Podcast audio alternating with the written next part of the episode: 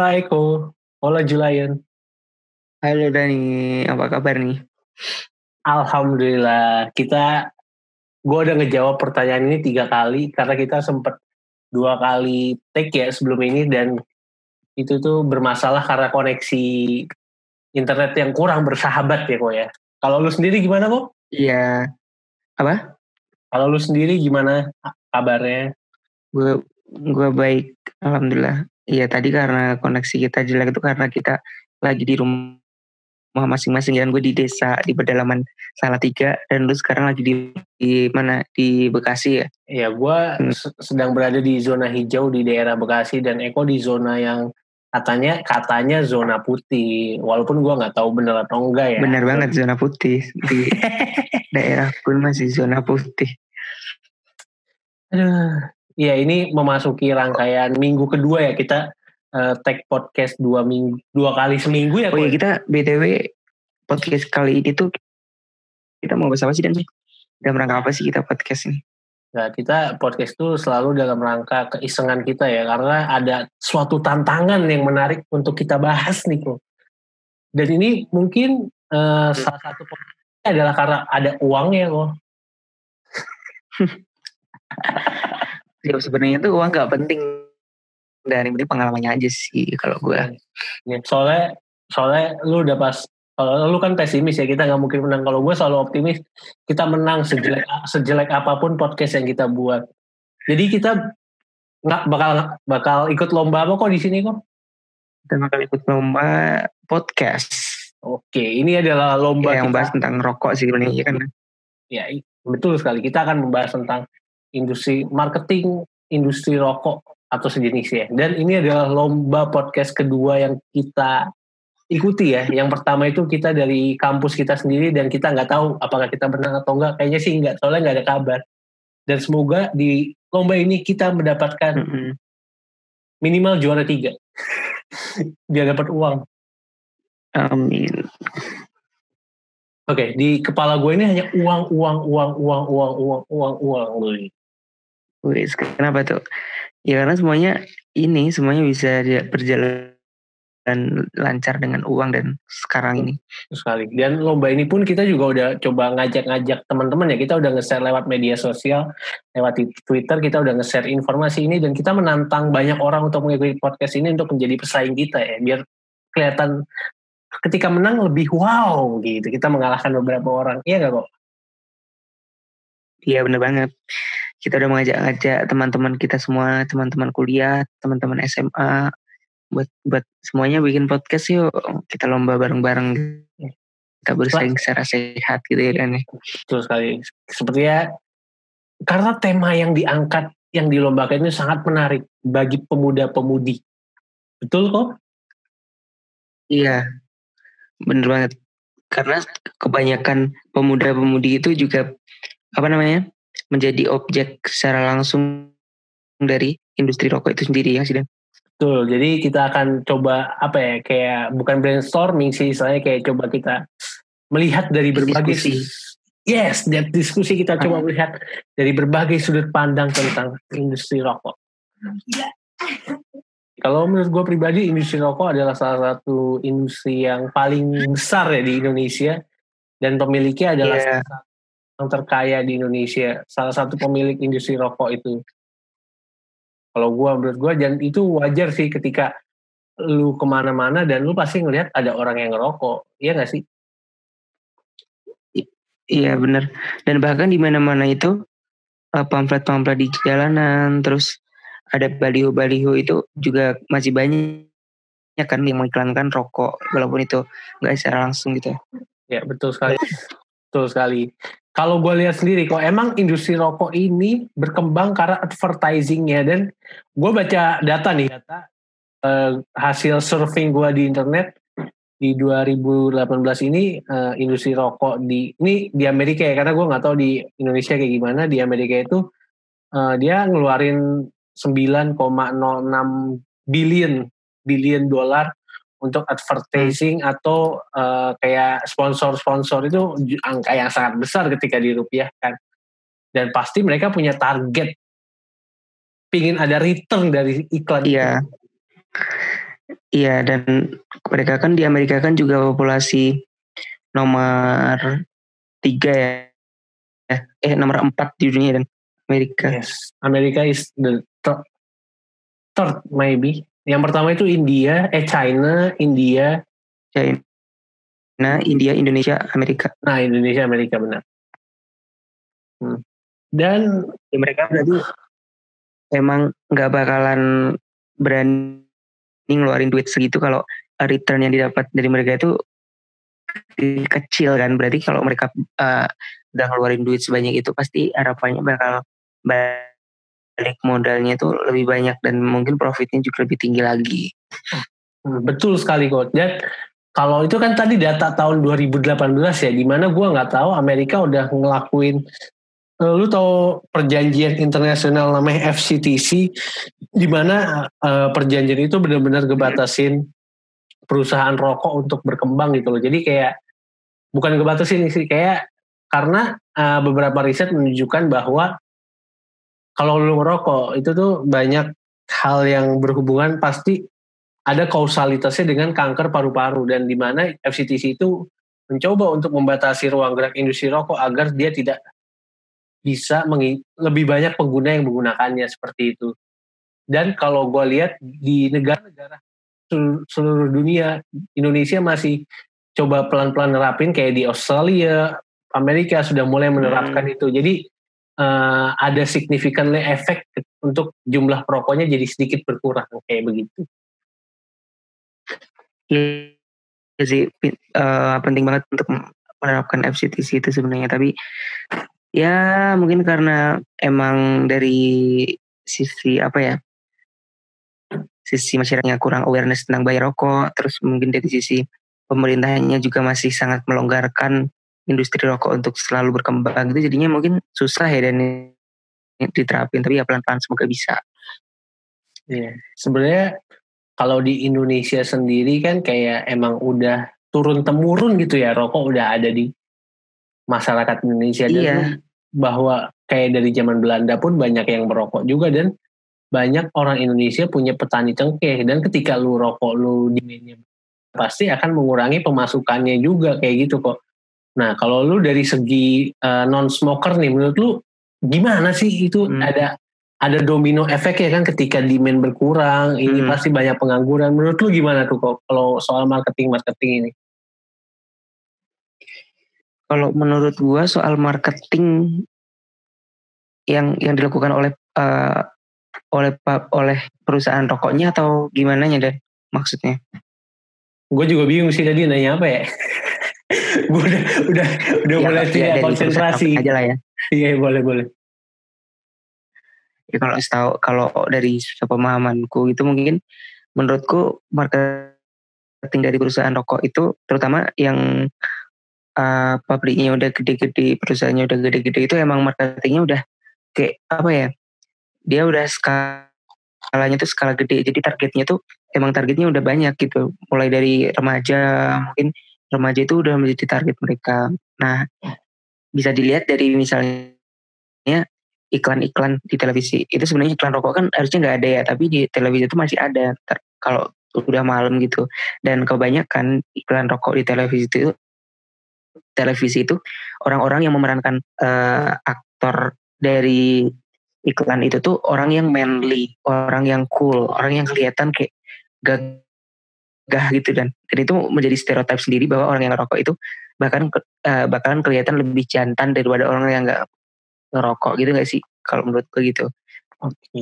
Apakah lu setuju? itu akhirnya banyak banyak juga tuh orang-orang uh, orang-orang yang ngelihat itu akhirnya ya udah gue ngerokok aja biar kelihatan keren itu jadi hmm. demand mereka eh apa jadi akhirnya demandnya lebih tinggi lagi uh, perokok aktif juga lebih banyak gitu. Oke, okay. gue mau nanya Mungkin apakah lu, itu. Apakah lu setuju dengan steri, stereotype seperti itu ketika lu apa ada orang yang ngerokok berasa keren? Apa lu setuju nggak? Lu setuju nggak sih secara personal nih? Secara diri lu, lu lihat kalau secara kalau secara personal sendiri gue uh, nggak setuju sih karena sisi keren sisi keren uh, seorang mungkin seorang apa ya seorang manusia gitu nggak nggak dilihat dari apa dari itu dari merokok bahkan merokok tuh bisa merusak diri lu sendiri gitu loh dan apa kerennya gitu Oke. Kalau gue punya pandangan berbeda nih. Oke, kita coba telisik dulu ya kayak uh, kita throwback gimana zaman dulu marketing. Nah, ini tuh gue udah nonton beberapa video YouTube ya. Maksudnya video di YouTube atau informasi-informasi di internet. Jadi zaman dahulu itu benar-benar uh, iklan rokok itu orang yang ngerokok dan banyak artis-artis papan atas yang nerangin eh yang melakukan hal itu. Jadi membuat orang-orang pada pingin juga salah satu teknik marketing kan dalam marketing itu lu pasti punya segmentasi market yang ingin lu tuju dan lu itu nggak salah ketika lu punya incaran remaja hmm. ya berarti lu segmentasi marketnya ya berarti lu incer remaja uh, yang muda yeah. kalau gua kalau gua nggak mempermasalahkan soal industri rokok uh, gede-gedean advertising di situ karena emang segmentasi marketnya di situ. Kayak begitu. Dan uh, semenjak ada peraturan-peraturannya juga industri rokok nggak mungkin sedikit colong-colong ya tapi tetap nurut-nurut aja. Jadi menurut gue industri rokok itu pun nggak bisa disalahin.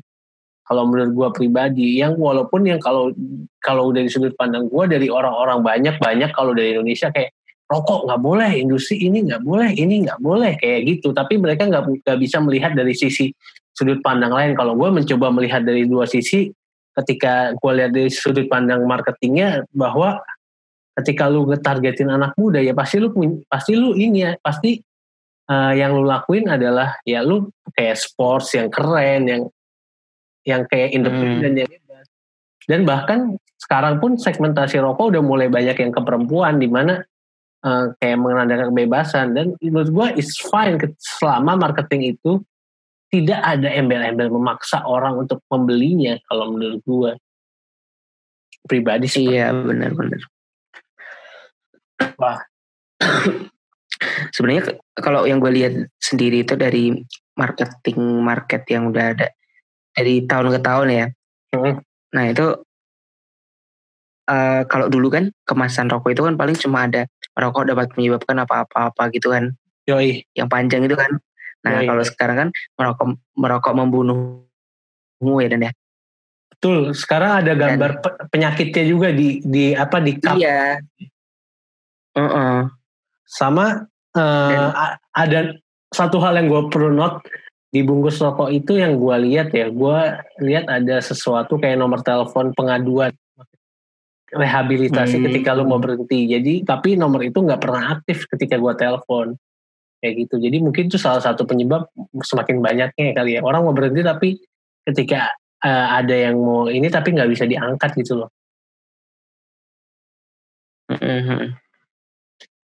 Tapi emang seru sih kalau uh, emang apa namanya ngebahas tentang marketing perusahaan rokok karena emang perusahaan rokok di Indonesia itu banyak banyak yang nyeponsorin acara-acara acara-acara di luar misalnya acara konser atau mungkin acara-acara gede lainnya itu tuh pasti ada hmm ada salah satu perusahaan rokok yang menjadi sponsornya, ya dan betul setuju gue. Dan emang emang segmentasi market mereka kayak gitu. Jadi ketika lo hmm. lu lihat sendiri, gue nggak usah di olahraga deh, kayak di sepak bola atau di bulu tangkis yang sponsorin sepak bola ya. dulu uh, ada uh, sponsor rokok, bukan jarum, band apa gitu. Iya, pokoknya kayak anak-anak perusahaan jarum atau apa.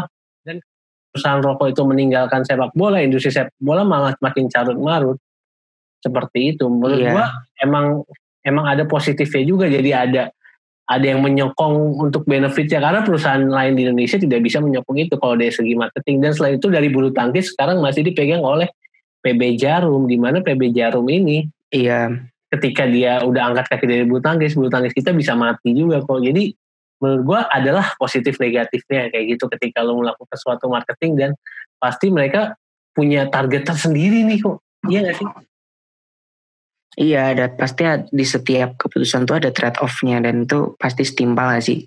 Entah benefit sama cost yang dikeluarin itu pasti setimpal, pasti udah ada analisisnya. Iya. Dan kalau gue lihat nih dan sebenarnya perusahaan rokok itu kan kebanyakan kalau di Indonesia tuh pakai tenaga manual atau masih pakai operator. Uh-huh. Jadi kayak masih pakai pekerja gitu, bukan pakai yang mesin-mesin. Nah, dan itu sebenarnya juga membuka lapangan kerja bagi orang-orang dan dan menurutku itu salah satu strategi dari perusahaan itu biar kalau pemerintahan misal mau melakukan atau mungkin mau memberhentikan perusahaan itu nanti bakal banyak pegawai-pegawai yang menjadi pengangguran dan itu uh, jumlahnya itu nggak dikit gitu loh ribuan mungkin bahkan puluhan ribu. Karena semuanya masih manual dan itu menurut bagus menurut gua marketingnya. Oh, iya. Itu kalau menurut gue itu bukan marketing sih itu strategi di luar eh, manajemen manajemen. oke jadi kita ya. mulai jadi gue mulai kembali ya. ke topik kita lagi ya kayak marketing itu adalah how we promote the product. Jadi di dalam marketing terutama kayak gue akhir-akhir ini belajar digital marketing lu harus ada suatu produk itu harus punya empat yaitu attention, interest, desire, action. Di mana attention itu lu mencoba menarik hmm. perhatian publik kayak kalau di iklan-iklan kayak wah keren banget nih iklannya. Terus kayak wah produk yeah, apa? Yeah. Udah mulai mencari tahu nih action, udah mulai actionnya itu kayak kalau di iklan TV ya, kalau di iklan TV itu actionnya kayak wah udah nyoba-nyoba naik warung nih. Ini produknya kayak apa nih? Nah action atau enggak ngebeli itu action. AIDA hmm. konsepnya kayak gitu. Jadi emang emang prinsip marketing itu kayak gitu. Jadi lu mencoba mendapatkan traffic sebesar-besarnya dan berharap hmm. adalah orang untuk membeli produk lu kayak gitu dia semua marketing dan kalau buat throwback lagi ke belakang ya soal iklan rokok itu dulu itu sempat yang ya lu sempat ada zaman di mana masa-masa uh, rokok itu benar-benar dibintangi oleh artis-artis papan atas, artis-artis musik atau yang lagi happen dan mereka adegannya sambil merokok. Tapi ketika uh, ketika itu dilarang, salah satu perusahaan seperti Marlboro mengeluarkan inovasi. Inovasinya itu adalah dengan wah produk gua nggak bisa lagi nih, masa gua uh, kayak mas gue nggak produk yang bisa buat lu sakit. Kayak gitu benefitnya sakit. Lu nggak bisa lah kayak begitu produknya promosinya. Jadi awal adalah ketika dia berpikir kayak gitu jadi dia oh atau enggak gini aja gue nggak usah mempromosikan sakitnya tapi gue mempromosikan uh, ketika lu melakukan itu uh, kayak mencoba mengubah psikologis dari manusia apa orang yang menggunakan kayak kelihatan keren kayak kelihatan lebih bebas kayak kelihatan lebih manly kayak yeah. lebih kayak gitu itu yang mencoba di di di marketingnya itu loh. Iya yeah, biar dapat uh, uh, afeksi tadi ya biar dapat apa namanya interest dari masyarakat yang lihat iya betul gila gue kayak kuliah aja nih ngejelasin ini ya itu yo kuliah marketing kuliah marketing karena gue juga lagi coba belajar tentang marketing kan kayak gimana sih cara pemasaran produk kayak gimana sih ini podcast ini biar bisa berkembang. Tapi gue coba ngelihat dari industri rokok dan mereka salah satu teknik marketingnya adalah bukan market ini bukan marketing sih. Kayak kalau hmm. kalau kalau hmm. kayak apa ya kayak konspirasi rokok itu banyak kok kalau denger. Tapi gue nggak mau ke arah sana. Gue cuma pengen bahas marketing aja. Uh, kayak nanya, menurut lu uh, orang bakal terpengaruh gak sih gara-gara iklan itu? Menurut gua kalau misal kita ngelihat mungkin kebanyakan anak-anak ya yang bakal mudah terpengaruh di iklannya. Jadi kalau misal anak-anak lihat yang kita sebutin tadi kayak melihat orang yang manly yang kelihatan gagah gitu karena merokok itu keren gitu.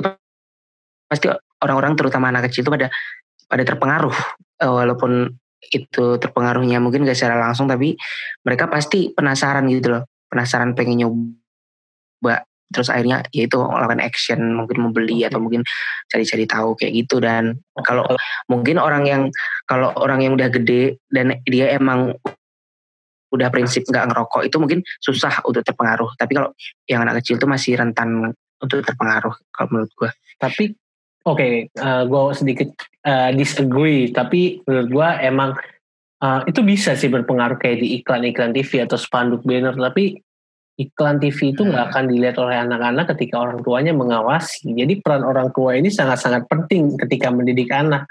Gimana uh, biar anak-anaknya ini mengerti lah istilahnya kalau itu berbahaya atau kalau gue bilang berbahaya untuk anak-anak umur segitu jadi kasihlah pengertian. Kayak misalnya uh, atau enggak selain itu juga anak-anak mungkin bisa terpengaruh dari orang tuanya yang merokok atau apa. Jadi dia penasaran kok ayah ngerokok mulu ya. Kayak gitu bisa jadi kayak gitu juga kan ada uh, karena banyak di Indonesia itu yang bapaknya ngerokok, ngerokok kayak gitu. Jadi kayak wah dulu bapak gua ngerokok nih, wah gue juga jadi pingin. Nah itu tuh kayak perlu diedukasi. Uh, ada uh, suatu prinsip atau program. Gue nggak tahu kayak gimana bentuknya tapi adalah sosialisasi ke orang para orang tua yang punya anak atau enggak orang tua yang merokok. Gimana caranya biar anak-anak itu tidak tetap tidak apa ya mengerti lah maksudnya tidak mencoba-coba untuk merokok. Karena itu belum saatnya umur mereka. Kalau gue sangat-sangat tegas bilang bahwa itu sangat tidak baik ketika anak-anak udah tertarik dengan industri rokok karena belum saatnya tapi ketika dia umurnya udah dewasa udah bisa menentukan diri udah bisa menentukan pemikirannya sendiri udah bisa menentukan dewasa sendiri itu hak mereka untuk mencoba atau uh, mencoba atau merasakan tentang rokok itu kayak begitu. Kalau lu sendiri gimana kok? Hmm. Ya sama sih kan gue tadi udah ngeluarin pendapat gue dan gimana sih? iya sih.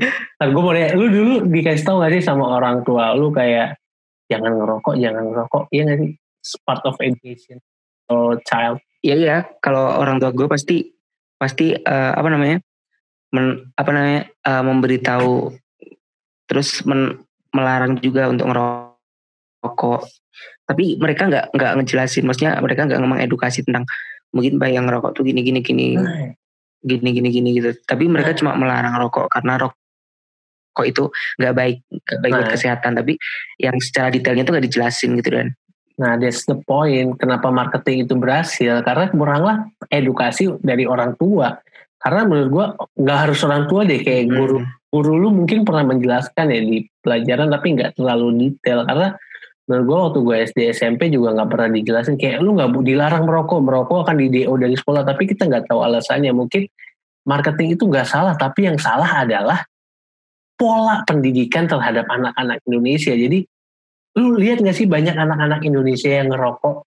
Dan gue kayak kecewa banget ngeliat orang tuanya ngebiarin itu. Dan kayak ah udahlah nggak apa-apa. Kayak gitu. Dan ada nih ada kemarin gue yang video gue kasih ke lu kayak anaknya ngerokok tapi ya udahlah udah terlanjur. Kalau dia nggak ngerokok nanti dia mencuri untuk mencuri mencuri uang dari orang untuk gimana caranya dia bisa dapetin rokok. Kayak gitu sampai segila itunya adiktif itunya. Hmm. Okay. candu jadinya. Yes. Akhirnya. Iya betul. Ini gue kayak kayak dari point of view gue, tapi adalah uh, ketika marketing, kalau gue ya marketing itu eh, nggak uh, salah, marketing itu nggak salah, tapi yang salah adalah mungkin ketika lu emang emang mereka menargetkan perokok-perokok baru, tapi ketika lu tidak lu harus lu juga harus mendidik anak-anak muda ini agar tidak merokok. Saat belum umurnya. Ketika umurnya itu tangan mereka iya lu setuju ya namanya juga marketing. Nah, setuju ya. namanya juga marketing. Pasti mereka ya uh, divisi marketing itu tujuannya untuk menaikkan sales dan menaikkan demand dari masyarakat. Ya hmm. kalau nggak kalau nggak gitu kan buat apa gitu kan ada marketingnya gak sih dan? Betul. jadi tiap ketika itu sebenarnya cuma menjalankan apa yang dia apa yang dia harus jalankan. Dan untuk uh, respon penerimanya masyarakatnya itu tergantung dari lingkungan masyarakat itu sendiri dan tergantung pola pikirnya gitu ya Dan ya. Yoi, kita kita sepakat dalam satu hal ya bahwa gue bilang perokok itu nggak salah kok nggak yang nggak salah maksudnya hmm. nggak hmm. salah ketika umur mereka tepat kalau gue ya, kalau gue pribadi maksudnya kan sekarang ada di ambang batas umur 18 tahun ya untuk merokok. Jadi lebih dari itu ya is oke okay gitu loh. Ya nggak masalah asalkan lu juga nggak mengganggu iya. publik ya. Istilah itu yang harus diajarin. Ada temen lu nggak ngerokok lu harus menghormatin, jangan buang asal sembarangan kayak gitu gitu sih kayak respect kayak gitu. Yang harus diajarin sebenarnya. Hmm. Ya itu sih yang penting tata krama sopan santun Betul dan sebenarnya bergaul sebenarnya pun perusahaan rokok ini sebenarnya sangat dirugikan sekarang peraturan-peraturannya banyak dan sedangkan mereka harus tetap survive di dunia ini.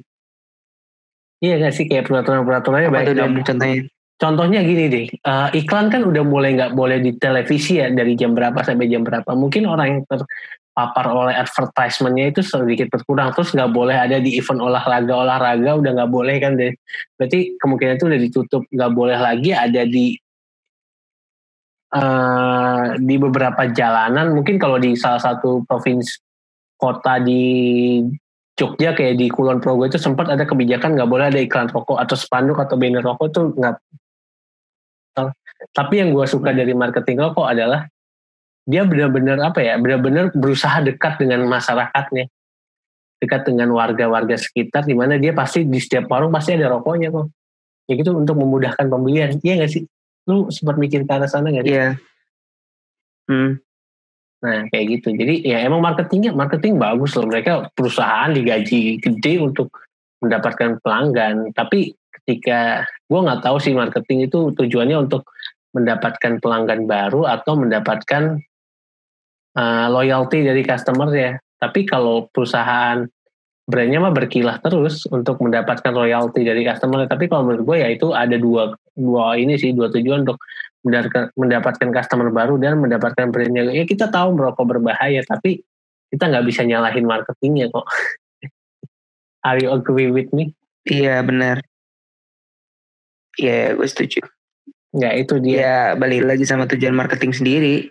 Nggak ada nggak ada nggak ada salah sama marketing ngelakuin hal kayak kayak gitu sebenarnya. Iya, benar-benar setuju. Jadi marketing itu kan dibuat untuk menarik pelanggan dan marketing ini udah dijalanin banyak riset peraturan dan ketika ada yang melanggar langsung ditegur. Pasti mereka benar-benar memperhatikan ini dan menjaga citra perusahaan positif. Kayak mungkin marketingnya kayak di perusahaan-perusahaan beasiswa kayak gitu kayak gitu-gitu kayak beasiswa jarum iya gitu. benar Wah ya menurut gue ya nggak apa-apa untuk mencerdaskan bangsa ya nggak apa-apa. Yang salah adalah ketika hmm. pola pikir lo menyalahkan dia. Menurut gue enggak sih. Itu that's not a good point. Dan menurut gue uh, untuk mencegah semakin banyak rokok di Indonesia uh, kalau dari gue ya kalau gue dari pribadi edukasi paling gampang adalah dari keluarga masing-masing. Kita nggak perlulah ngadain seminar atau ngelarang publik atau apa. Di keluarga masing-masing dulu deh ngejelasin tentang bahayanya ininya. Dari pribadi masing-masing orang juga bisalah menegur orang-orang yang merokok di tempat yang gak seharusnya. Walaupun kena marah itu salah satu triknya biar makin berkurang dan respect. Dan menurut gue kalau Indonesia pun eh, nggak uh, bakal takut dengan penyakit. Kalau menurut gue selalu ditakut-takut penyakit it's, it's a fault gitu loh karena menurut gue ya kalau Indonesia mah yang penting ini kok yang penting sehat mati di tangan Tuhan kayak gitu kan kebaikan Indonesia kalau yeah, menurut, yeah, iya. kalau menurut lu sendiri gimana kok Ya gue setuju sih yang paling penting itu ya dari keluarga sendiri itu biar kayak untuk mengurangi apa namanya untuk mencegah mungkin anaknya buat ngerokok dan dan kalau bisa itu mungkin lebih ekstra perhatian. Karena anak-anak zaman sekarang tuh pinter gitu pintar dalam menyembunyikan apa yang udah dilakukan. Misalnya dia ngerokok diem-diem. Iya itulah. Ngerokoknya mungkin waktu di mana pulang-pulang makan permen gitu kan nggak ada yang tahu ya. Jadi emang perhatian dari orang tua itu sangat diperlukan gitu untuk uh, mencegah uh, anaknya mungkin untuk masuk ke perokok itu jadi perokok aktif. Jadi kita sepakat ya bahwa marketing tidak bisa disalahkan, tapi ya, sepakat salah satu untuk mereduksinya adalah dengan keluarganya atau paling hmm. kecil hmm. dengan lingkungannya deh itu aja sih kalau menurut gue uh, okay. dari lu ada closing statement nggak kalau closing statement dari gue hmm, merokok membunuhmu udah deh kalau menurut gue tidak apa-apa merokok tetap ketika lu udah umur yang benar dan lu udah tahu konsekuensi-konsekuensi dari apa yang lu lakukan. Seperti itu dan hmm. uh, dan lu juga harus mengajarkan ke anak lu atau ke keluarga lu atau ke mana pendidikan yang baik gitu loh. Maksudnya jangan maksain tapi kita harus yang susah itu ngedidik orang gimana cara kita bisa ya balik lagi ke pernyataan gue is rokok is not the fault man. It's not fault ketika lu tahu konsekuensi jadi ada di tangan lu ketika lu udah cukup umur ya lu nggak apa-apa kan lu sesuai aturan kayak gitu dari gue sekian mungkin kita cukupin aja kali ya udah 30 menit lebih iya oke okay, seru banget seru banget ah dibahas manajemen manajemen iya kita kayak ginian Iya kita harus lebih kayak topik podcast berikutnya kita akan bahas manajemen manajemen. Oke, sekian dulu dari kami. Terima okay. kasih. Goodbye. Terima kasih. Bye.